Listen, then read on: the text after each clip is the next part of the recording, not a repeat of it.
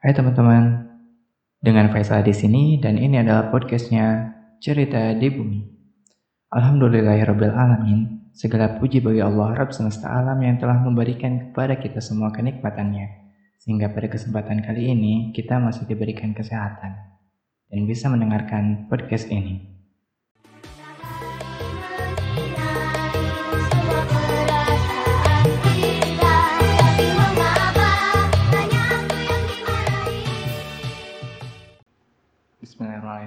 Halo teman-teman, kali ini kita bakal ngobrolin tentang media sosial dan kita bareng sama Hasna. Assalamualaikum Nak. Waalaikumsalam warahmatullahi wabarakatuh Faisal. Ya halo teman-teman. Uh, Aku Hasna. Benar kata Faisal Kali ini kita akan bahas tentang sosial media. Tapi perlu digarisbawahi teman-teman Kalau aku bukan expert di bidang ini Jadi hanya membahas dari segi pandangan aku atau opini aku Berdasarkan pengamatan dan juga apa yang pernah aku alami terhadap uh, sosial media ini. Nah, ya itu benar banget apa yang Hasna bilang. Kalau emang kita bukan expert dalam sosial media, tapi kenapa aku ngangkat tema ini? Karena menurut aku sosial media itu sekarang udah jadi hal yang kayak kebutuhan primer gitu buat orang-orang. Dan tanpa disadari sebenarnya hal ini tuh punya pengaruh besar buat kita. Nah ngomong-ngomong, sebelum kita bacain data dan fakta tentang pengguna sosial media di Indonesia, menurut kamu berapa nak pengguna sosial media di Indonesia? Terus eh, akun sosial media yang kamu punya apa aja? Waduh, kebutuhan primer cemana tuh maksudnya Sal? Kalau data sejujurnya untuk jumlahnya nggak tahu pasti ya aku ada berapa di Indonesia. Cuma eh, kalau lihat-lihat dari Kominfo kayaknya tertinggi ketiga di dunia nggak sih? Eh nggak tahu deh aku salah apa nggak. Tapi itu sekitar tahun 2013 dan kayaknya mungkin lebih meningkat lagi atau entahlah. eh, emang kalau dari pandangan kamu gimana Sal? Kalau sosial media yang aku punya itu ada banyak sih. Eh, Twitter, Instagram, LinkedIn, eh, WhatsApp masuk sosial media nggak ya? Terus Line, terus Quora, terus Tumblr. Nah, lo banyak banget gak sih? Kalau kamu Sal apa aja tuh Sal? Eh asli nak, kalau menurut aku sih sosial media udah kayak kebutuhan primer. Coba aja pikirin ya. Kita bangun tidur, kita ngecek sosial media. Kita lagi makan, sendok di tangan kanan, tangan kiri ngecek sosial media, scrolling Instagram lah, scrolling Facebook lah atau apa pun. Kita mau tidur, kita pasti ngecek juga sosial media. Jadi sosial media ini udah seperti tidak terpisahkan dari kehidupan orang-orang. Nah, menurut data untuk Indonesia sendiri dengan jumlah penduduk yang bernilai 268,2 ji- juta jiwa. Ini data tahun 2019 ya. Di sini disebutin kalau pengguna internet di Indonesia itu sekitar 150 juta jiwa dan pengguna aktif media sosial itu ada 150 juta jiwa juga. Nah, sosial media yang paling banyak dipakai di Indonesia di antaranya ada Facebook, Instagram, Messenger sama LinkedIn. Ini datanya diambil dari napoleoncat.com. Nah, ini rincian jelasnya ya. Sosial media user di Indonesia eh, pada bulan Februari tahun 2020. Di sini ditulisin kalau Facebook itu punya 151.510.000 pengguna. Instagram itu punya 62.470.000 pengguna. Menurut aku sih ini jumlah yang amat sangat banyak gitu buat negara seperti Indonesia. Nah, kalau secara demografinya, kebanyakan pengguna Facebook ini adalah usia dari 18 sampai 34 tahun. Ya, kisarannya sekitar 14% sampai 20%. Nah, Instagram juga kayak gitu. Instagram itu penggunanya itu 19% ada orang berusia 18 sampai 24 tahun, perempuan. Laki-laki itu ada 17,6 persen. Nah, kalau untuk usia 25 sampai 34 tahun, 16 persennya perempuan, 17 persennya laki-laki.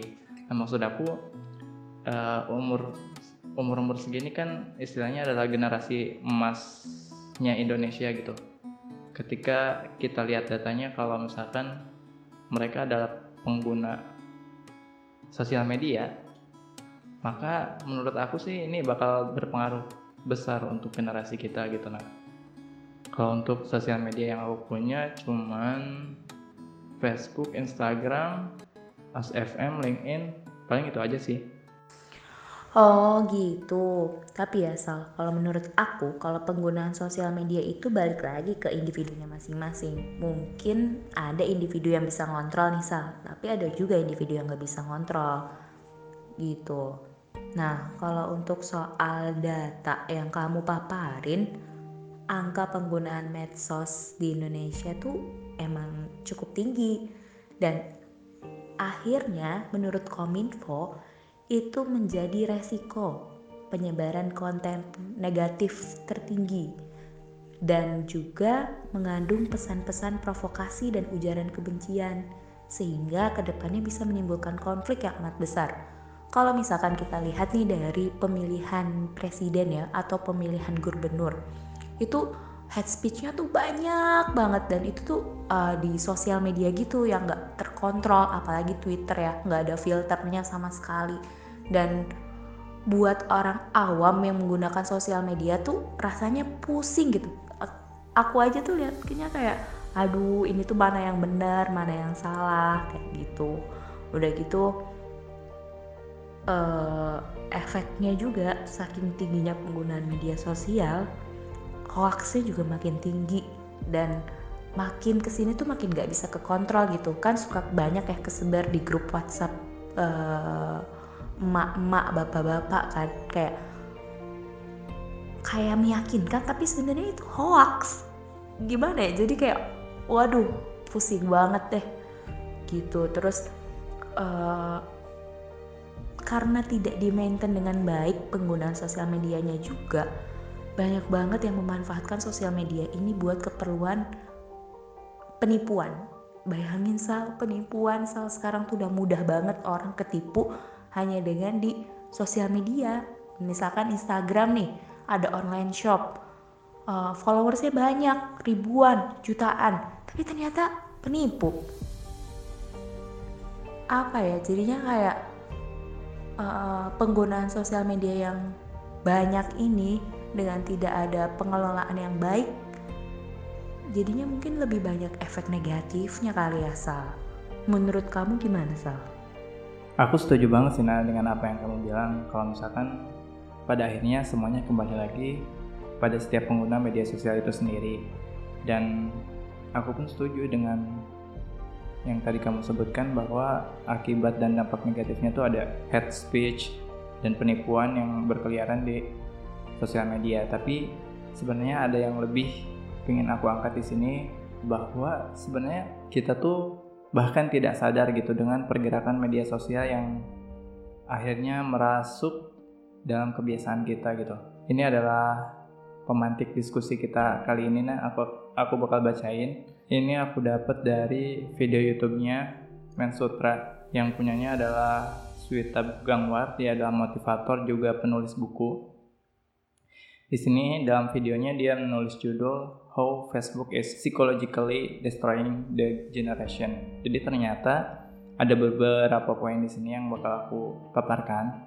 Yang pertama itu adalah gimana caranya Facebook bisa ngerusak kita dan yang kedua ada namanya psychological possession.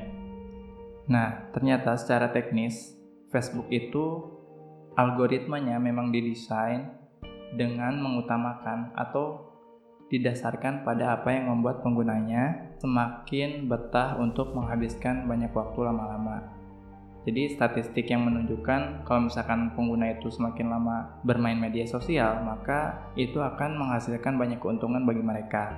Istilahnya, semakin banyak yang make dan semakin lama yang make, maka mereka bisnisnya sukses gitu. Dia nyebutin juga di videonya kalau misalkan Facebook ini malah lebih parah dari alkohol. Kalau alkohol kan ngerusaknya pada saat dia diminum dan dia bakal mabuk gitu.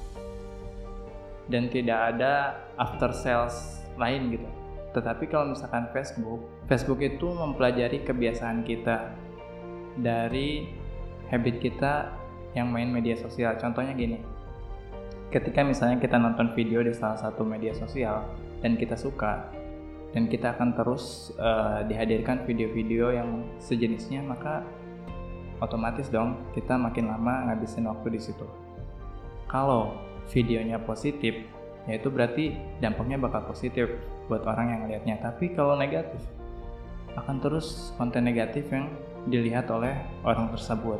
Nah di sini poinnya adalah uh, dengan kita tahu, berarti kita harus peka kalau misalkan Facebook, Instagram, atau apa pun sosial media itu, kita harus sadar kalau harus membatasi waktunya gitu. Karena semakin kita lama, itu bakal, berpengaruh sih buat diri kita sendiri. Terus yang kedua, nah di sini disebutin katanya selain Facebook itu adalah candu, Facebook juga bisa menjadi virtual universe.